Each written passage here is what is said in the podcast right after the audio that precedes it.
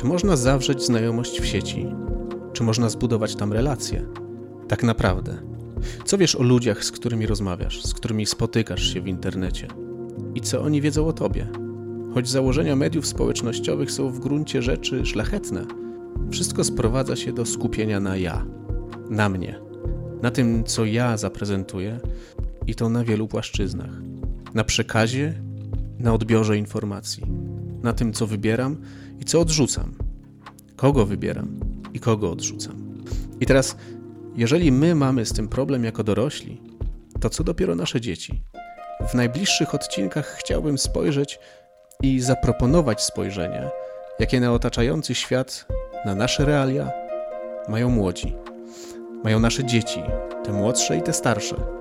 Oprócz rozmów, które siłą rzeczy przeprowadzam ze swoimi, a także z uczniami, z którymi pracuję w szkole, staram się na bieżąco czytać i dowiadywać jak najwięcej na temat tego, co w trawie piszczy.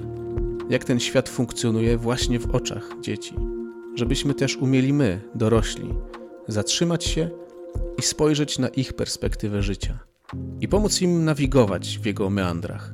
Zapraszam.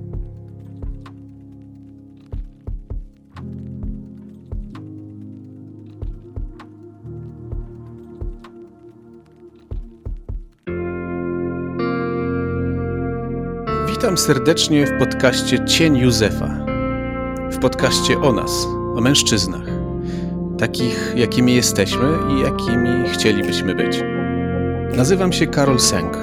Zapraszam Was na wspólną drogę do odkrywania i zgłębiania tajników powołania, jakim jest ojcostwo. Ci z nas, którzy w dorosłość albo późniejszą nastoletniość weszli przed 2005 rokiem, znają świat, który funkcjonował bez mediów społecznościowych. To znaczy, że znają świat, w którym relacje budowało się zawsze z drugim człowiekiem, w lepszy lub gorszy sposób. Technika w jakiś sposób też w tym mogła uczestniczyć, ale to zawsze ten drugi człowiek był obecny. Jego obecność zawsze była. Rodzice dzieci, które urodziły się po 2005 roku, powinny sobie uświadomić, że właśnie ich pociechy nie znają świata bez mediów społecznościowych, bez komunikowania się przez SMS-y, Messengera, WhatsAppa, bez publikowania postów, zdjęć, filmów na Facebooku i Instagramie, na TikToku, bez tych wszystkich rolek. Często łapię się na tym, że patrzę na moje dzieci przez pryzmat mojego dzieciństwa, moich zwyczajów, moich doświadczeń i tego, jak funkcjonowaliśmy z kolegami tego, jak funkcjonowaliśmy w liceum, jak wchodziliśmy w dorosłość, potem na studiach. I właśnie do tych doświadczeń odnoszę się w wychowaniu. To jest chyba pułapka, bo rzeczywistość dorastania moich dzieci jest zupełnie inna. Mimo tego, że wydaje się taka sama, niby niewiele się zmieniło. Nie ma w sumie latających samochodów, jak to często w filmach science fiction bywa. Nie teleportuje się do szkoły, do pracy, Ubrania, które nosimy, mają często bardzo podobny krój do tego, który już był, który znamy. Możemy doświadczyć tego, że czas jakby wraca. Lata 60., 70., 80., jeżeli chodzi o modę, wracają. Ale to, co się zmieniło fundamentalnie, to relacje i sposób i umiejętność ich budowania. Nie ma co się dziwić, że w tej chwili największym problemem, palącym problemem wśród młodzieży jest właśnie ten krzyk o relacje. Potrzeba bycia zauważonym, potrzeba zaopiekowania, potrzeba bycia zaproszonym i zatroszczonym.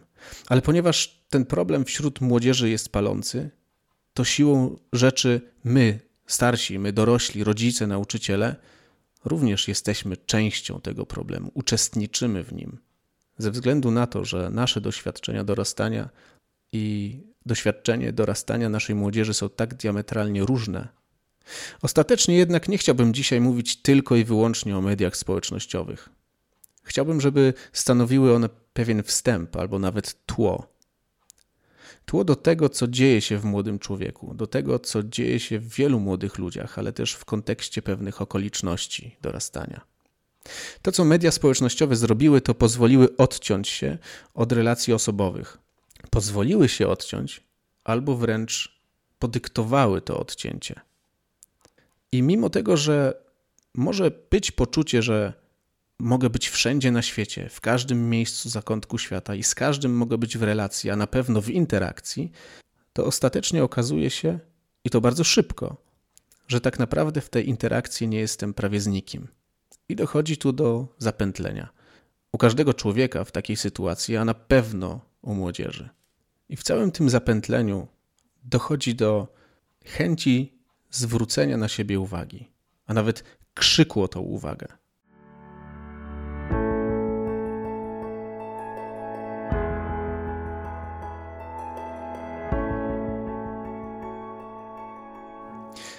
Jeżeli spojrzymy na swoje posty, na nasze media społecznościowe, a co dopiero młodzieży, to może możemy zauważyć taką tendencję, jakbyśmy prowadzili swego rodzaju jednostronny pamiętnik pod tytułem Zauważ mnie. Pamiętnik z mojego życia. Pamiętnik, który ma pokazać innym, jak żyję.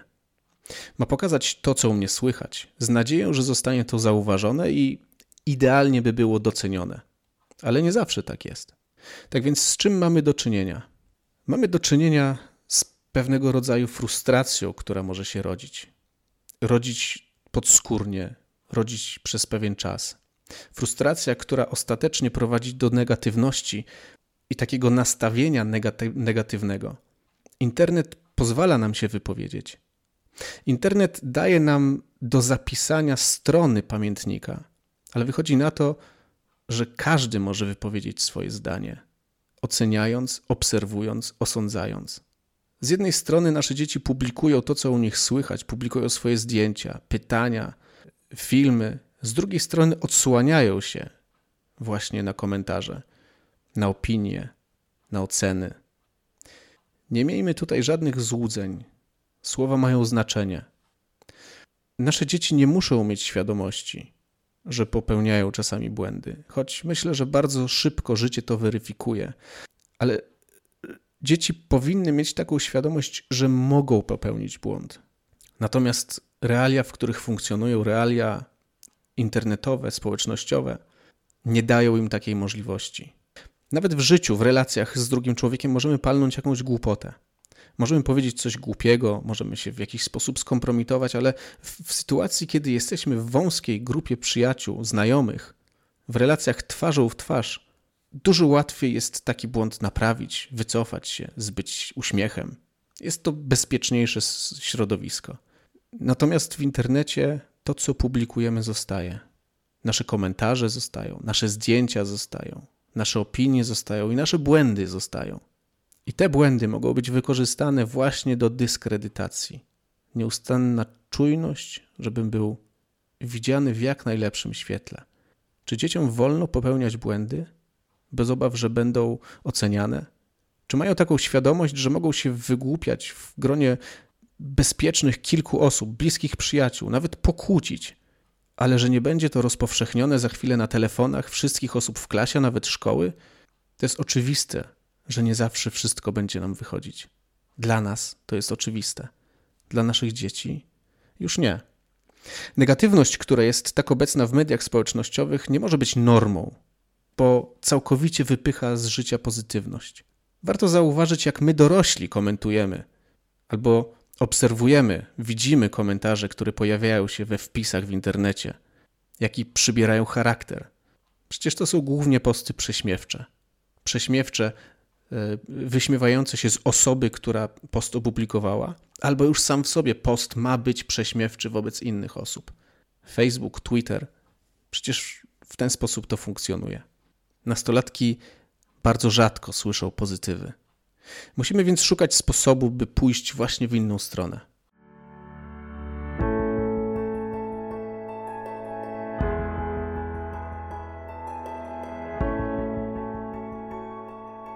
Patrząc na ten problem z drugiej perspektywy, a raczej z innej perspektywy, wychodzi na to, że świat jest pełen wszystko wiedzących, pełen ekspertów. Jako nastolatek, jako dziecko, wchodząc na media społecznościowe, widzę samych mędrców, widzę samych doradców, widzę samych specjalistów. Tylko co to są za mędrcy? Są to ludzie, którzy jednorazowe doświadczenia przekuwają w wiedzę specjalistyczną, a raczej nazywają to wiedzą specjalistyczną. Znaczy, wydaje im się, że doświadczenia jednorazowe, które mają, dają, dają im prawo nie tyle do dzielenia się z tym doświadczeniem, ale do przedstawiania go jako, jako wiedzy tajemnej, jako porady. Okazuje się, że w internecie każdy wie wszystko. Brakuje nam perspektywy, ciekawości.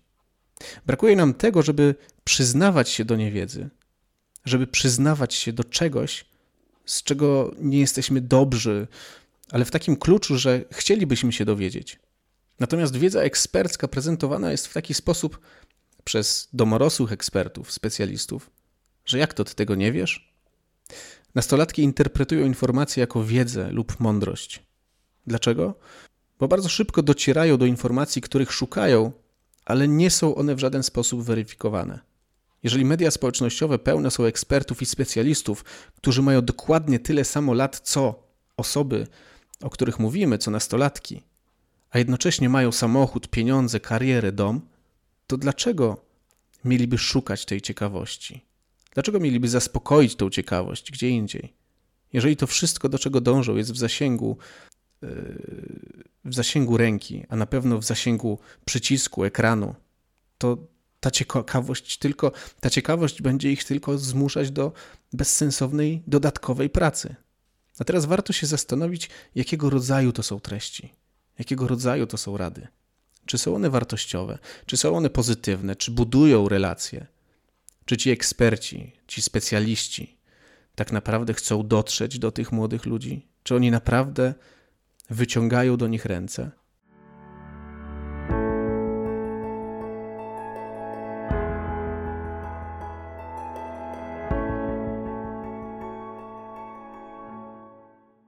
Trzecia rzecz, którą warto sobie uświadomić, będąc rodzicem albo będąc wychowawcą, nauczycielem, to to, że nasi nastolatkowie, nasze dzieci żyją w swego rodzaju bańce, w świecie fantazji. I ta bańka pompowana jest właśnie przez obecność w, w świecie wirtualnym. Może jest to powiedziane zbyt mocno i oczywiście nie dotyczy absolutnie wszystkich. Ale jakbyśmy się mieli nad tym zastanowić, to czy tak nie jest? Angażują się tam, gdzie są, zamiast poruszać się w świecie rzeczywistym. Żyją fikcją. Chodzi o życie fikcją wirtualną, a nie rzeczywistością. Czerpiąc z tych mądrości specjalistycznych albo eksperckich, mają absolutne poczucie uczestnictwa dokładnie w tym, o czym jest mowa, w tych doświadczeniach. Co więcej, przekuwają te doświadczenia na swoje plany, inspirują się właśnie tymi mądrościami, które też potem pozwolą im w ten sam łatwy sposób, bezproblemowy osiągnąć sukces. Oczekiwania, jeżeli chodzi o pensję, jeżeli chodzi o pieniądze, jeżeli chodzi o karierę, marzenia, marzenia powierzchowne, niedojrzałe zachowania. I teraz, czy media społecznościowe to jest nasz jedyny system przekonań? Kultura negatywności, świat wszystko wiedzących ekspertów i świat bańki świat fantazyjny, który ze światem rzeczywistym naprawdę ma niewiele wspólnego. To są rzeczy, które bombardują nasze dzieci każdego dnia. Ale w tym właśnie tkwią, w tym siedzą. Kiedy? Kiedy są w szkole, kiedy są na przerwie. Jest dokładnie tak samo, kiedy wychodzą ze szkoły. Często pierwsza rzecz na przerwie to jest wyjmowany telefon w naszych domach, w pokojach. I tu naprawdę nie chodzi o sam telefon, ani o same media społecznościowe. Jakby nie jest to zło wcielone, umówmy się. Ale czy na pewno wiemy, czym karmią się nasze dzieci? Nawet jeżeli te treści, tak jak powiedziałem, nie są demoralizujące, nie są na wskroś złe, to jakie to są treści, które sączą się do głów naszych dzieci, które karmią je i wypełniają?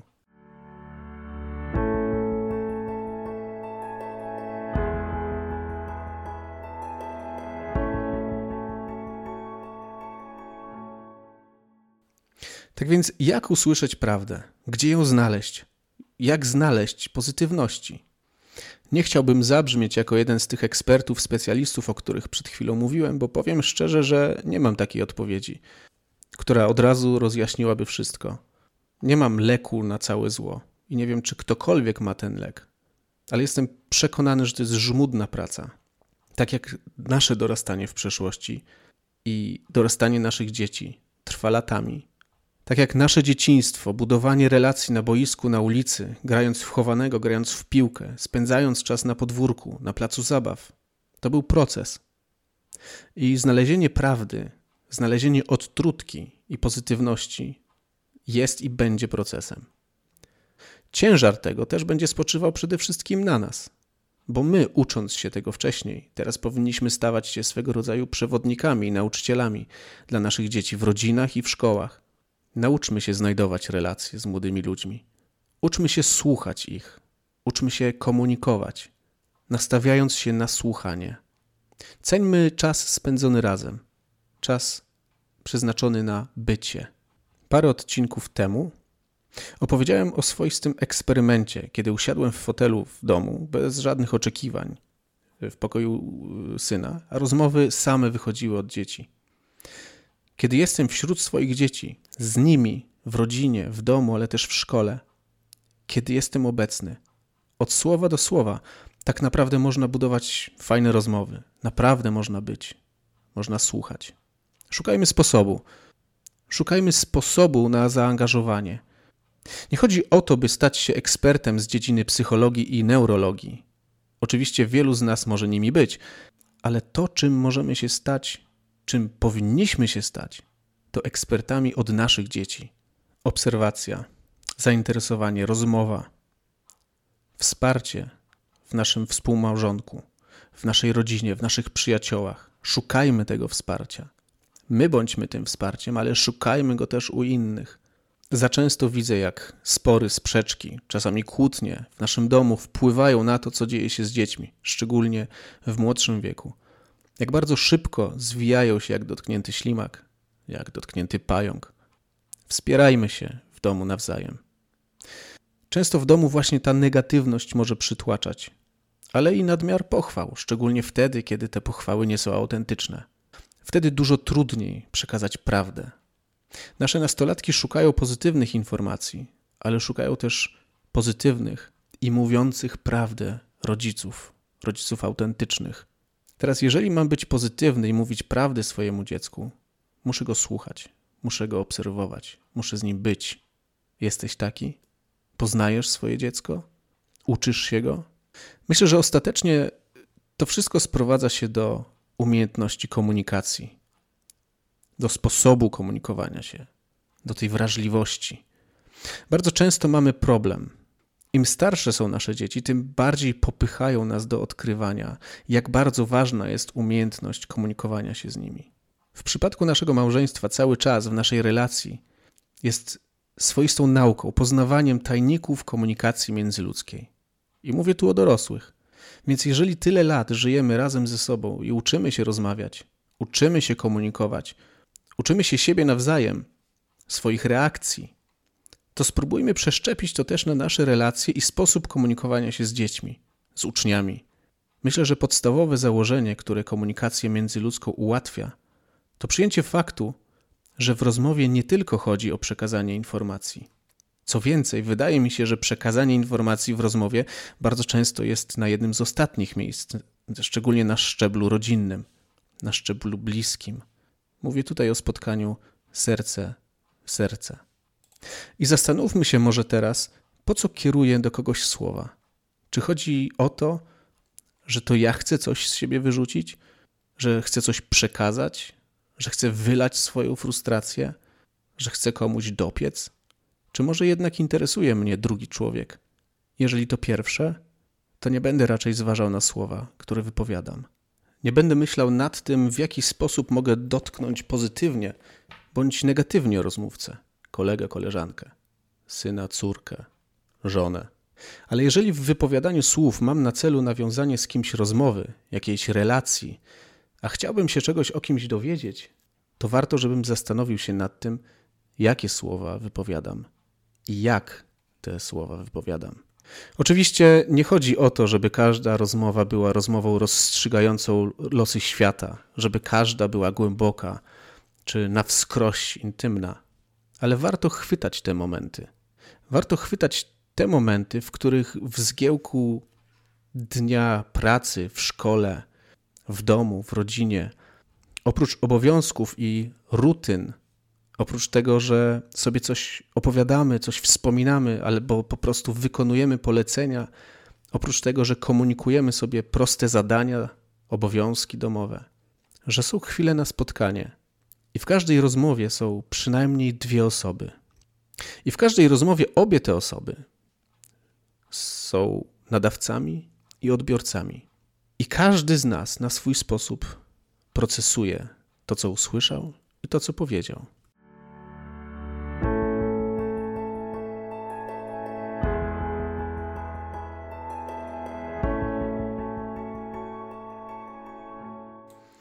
Parę tygodni temu w szkole wykonałem takie ćwiczenie z uczniami, ze swoimi licealistami. Rozdałem kartki i poprosiłem, żeby na każdej stronie e, uczniowie napisali po dwa, trzy zdania. Dwie, trzy rzeczy, które usłyszały pozytywne od swoich kolegów, e, koleżanek, rodziców, nauczycieli. Takie, które podniosły ich na duchu. Takie, dzięki którym poczuły, czy poczuli, że są w jakiś sposób docenione, że są nawet może kochane. Ale też trzy negatywne, takie, które oni odebrali jako negatywne, niekoniecznie takie, które rzeczywiście były z intencją zranienia albo skrzywdzenia. To ćwiczenie pokazało, że naprawdę w różny sposób odbieramy słowa drugiego człowieka. Szczególnie młodzi są bardzo wyczuleni na pewne słowa.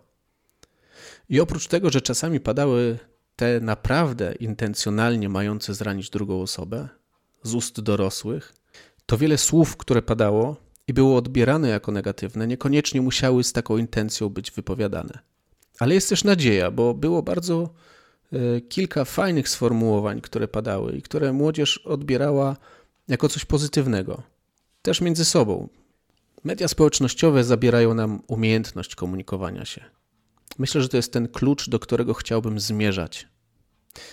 Te media zamykają nasze dzieci, nasze nastolatki, naszą młodzież w bańce negatywności, w bańce fantazji, marzycielstwa, odrealnienia.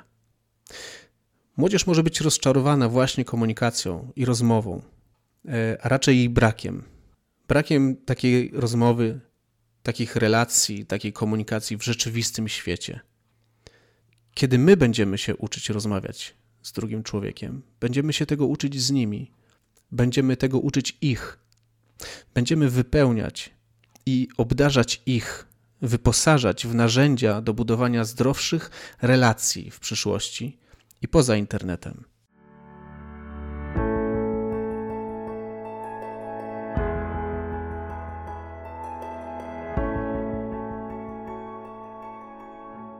I na koniec coś duchowego.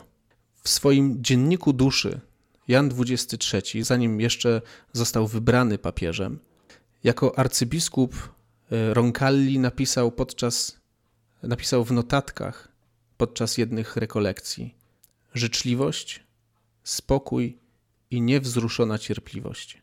Muszę zawsze pamiętać, że łagodna odpowiedź odwraca gniew. Jaką gorycz wywołuje szorstki, gwałtowny lub niecierpliwy sposób postępowania. Czasami strach przed byciem niedocenionym jako osoba mało wartościowa skłania nas do pysznienia się i zaznaczenia swojej pozycji. I ponieważ arcybiskup mieszkał we Francji, dalej pisze: Muszę mieć wielkie zrozumienie i szacunek dla Francuzów. Mój dłuższy pobyt wśród nich pozwala mi docenić bardzo szlachetne cechy duchowe tego narodu i żarliwość katolików wszystkich nurtów myślowych.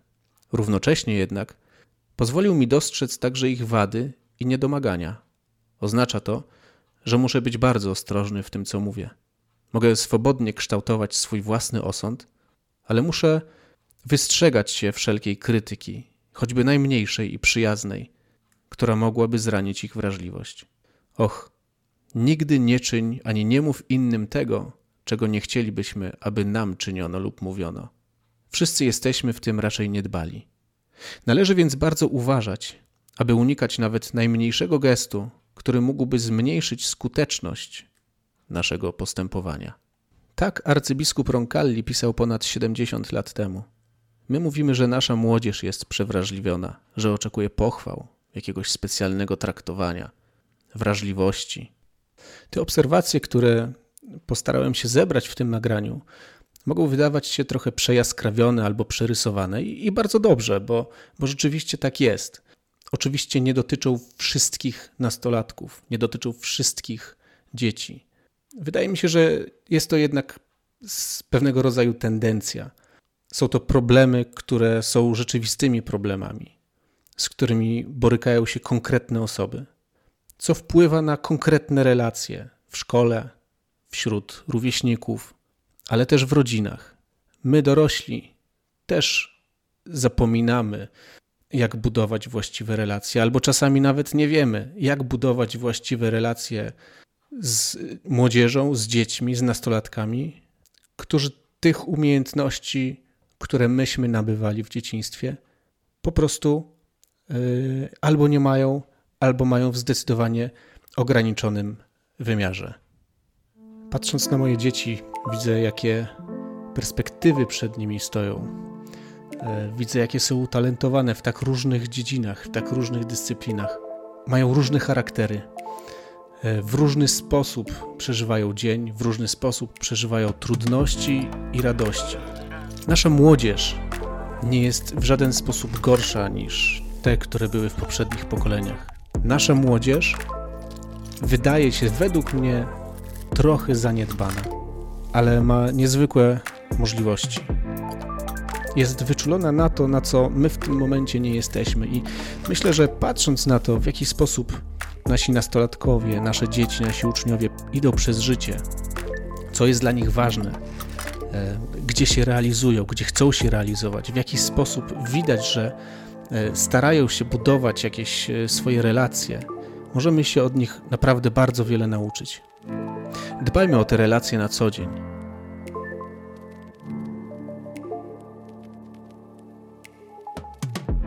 W kolejnych odcinkach spróbuję sam prześledzić, ale też zaproponować, jakie konkretne narzędzia oprócz sposobu komunikacji moglibyśmy powierzyć naszym nastolatkom. I kto wie, może sobie samym również. Dziękuję za wysłuchanie. Dziękuję za to, że jesteście i zapraszam do zaobserwowania tego podcastu na Spotify i dzielenia się nim. Do usłyszenia.